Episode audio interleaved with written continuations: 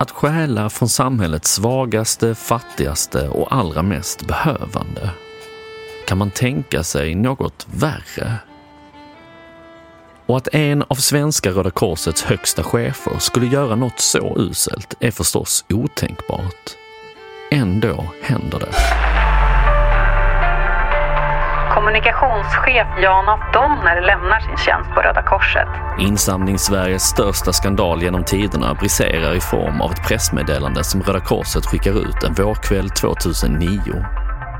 Men vad som egentligen inträffat i det här tidiga skedet är det ingen utanför organisationens ledning som känner till. Sedan det uppstått en brist i förtroendet mellan honom och ledningen för företaget har han valt att avgå på egen begäran. Ingen fattar någonting. Johan af Donner med förflutet inom reklambranschen är ju Insamlings-Sveriges stjärna med en utstrålning av att ligga bakom Röda Korsets moderna varumärke och pigga metoder. En del menar att det till stor del är Johan af Donner som personligen gjort svenska Röda Korset så framgångsrikt.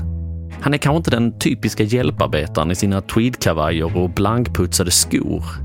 Men han är en glad prick med svikt i steget som det är lätt att samarbeta med. Vid sidan av jobbet på Röda Korset fylls hans tillvaro av exklusiva utlandssemestrar, flotta fester och det betydelsefulla styrelseuppdraget i Rotary Humlegården. När Johan af Donner fyller 50 firar han med smokingfest i Riddarhusets stora sal. Han köper Jaguar och dyra kostymer medan sonen placeras på dyr internatskola. Vad ingen vet är att Johan af Donner lever långt över sina tillgångar för att passa in och glänsa i den överklassmiljö han så gärna vill vara en framstående medlem av. Du lyssnar på Svenska bedragare. Jag heter Timmy Strandberg.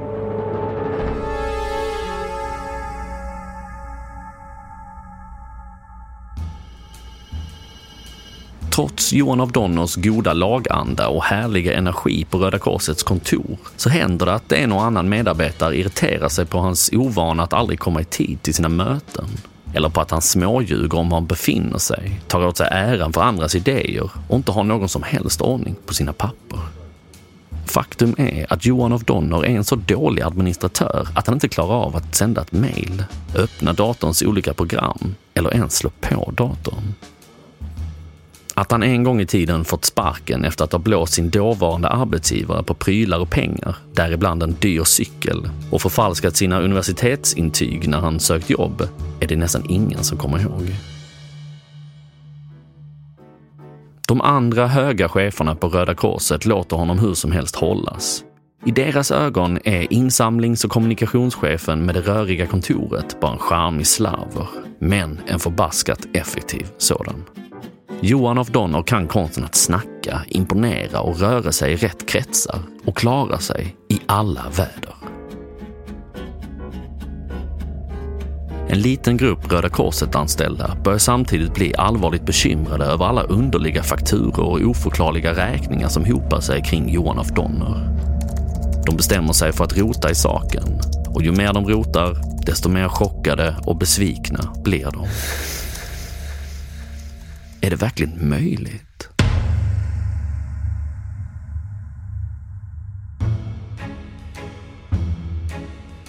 Johan af Donner har ingen aning om vad som håller på att hända.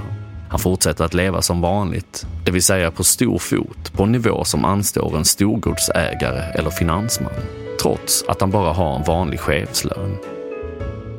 En dag dyker hans bostad upp i ett åttasidigt heminredningsreportage i tidskriften Residens Reportaget skildrar en mycket förnäm och dyrbar paradvåning på 261 kvadratmeter på välbeställda Östermalm i Stockholm.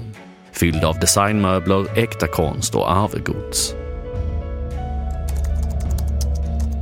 Den kartläggning som i hemlighet satts igång av en liten grupp misstänksamma Röda Korset-kvinnor på huvudkontoret fortsätter. Allt fler konstigheter uppdagar sig. Johan af Donner verkar med hjälp av ett företag fakturera Röda Korset för tjänster som aldrig levereras. Fakturabeloppen är inte så stora vart och ett för sig, men återkommande. Snöbollen är i rullning. Misstankarna växer till en internutredning som blir till en polisanmälan och en bomb som till slut exploderar i medierna. Johan af Donne var en högt uppsatt chef, först på Cancerfonden. Med tiden började flera personer inom Röda Korset misstänka att all... Och det har naturligtvis skadat Röda Korset väldigt mycket. Sen också en stor förvåning, liksom hur kan någon... Donnes kontoutdrag avslöjar middagar och drinkar på lyxkrogar, kläder från designermärken, en solsemester på ett spahotell i Thailand. Rättegången mot förre Röda Korset-chefen Johan af Donner har inletts här i Stockholms tingsrätt. Ja, Johan af Donner har redan erkänt delar utav åtalet. Nu döms han för grovt bedrägeri, trolöshet mot huvudman och medhjälp till grovt bokföringsbrott. Det visar sig att Johan af Donner under nio långa år finansierat sitt lyxliv genom att lura Röda Korset via de falska fakturorna. Och utöver det även stulit pengar från sin tidigare arbetsgivare, Cancerfonden. Sammanlagt har han svindlat till sig nästan 8 miljoner kronor av de frivilliga insamlade och statliga medel som var avsedda för jordens fattiga.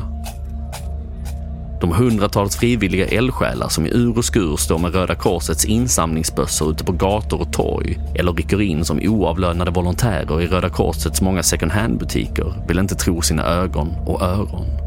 Att en av Röda Korsets högsta chefer skott sig så skamlöst på deras obetalda slit är helt enkelt för mycket att ta in.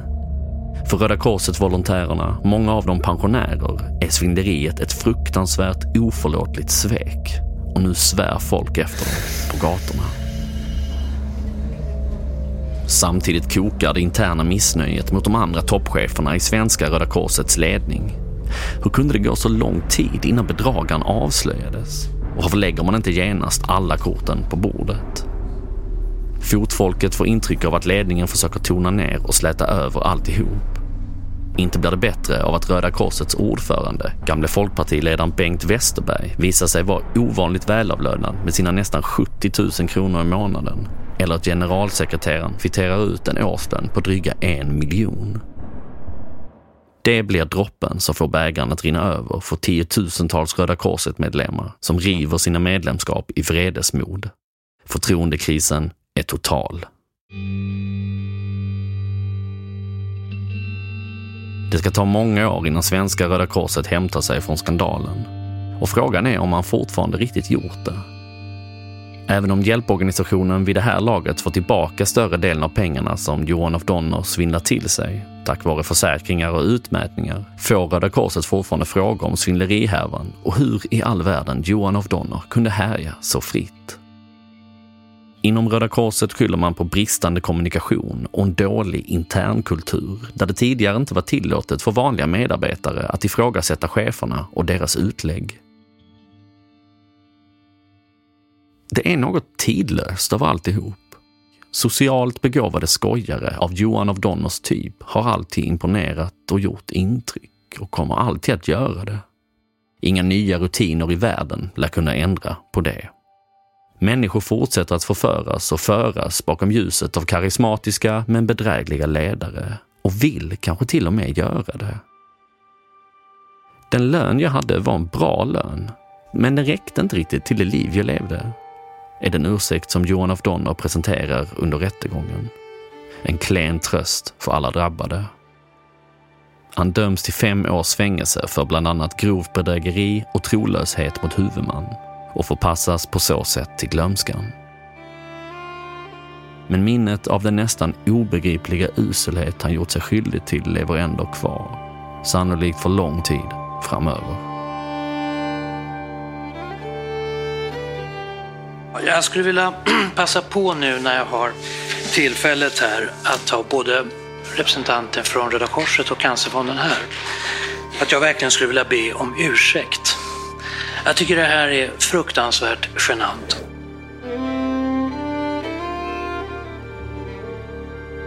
Du har lyssnat på Svenska bedragare. En exklusiv podmi produktion Manus och research av Fredrik Kullberg och producerad av mig, Timmy Strandberg. Arkivklippen i detta avsnittet kommer från Sveriges Radio och Expressen.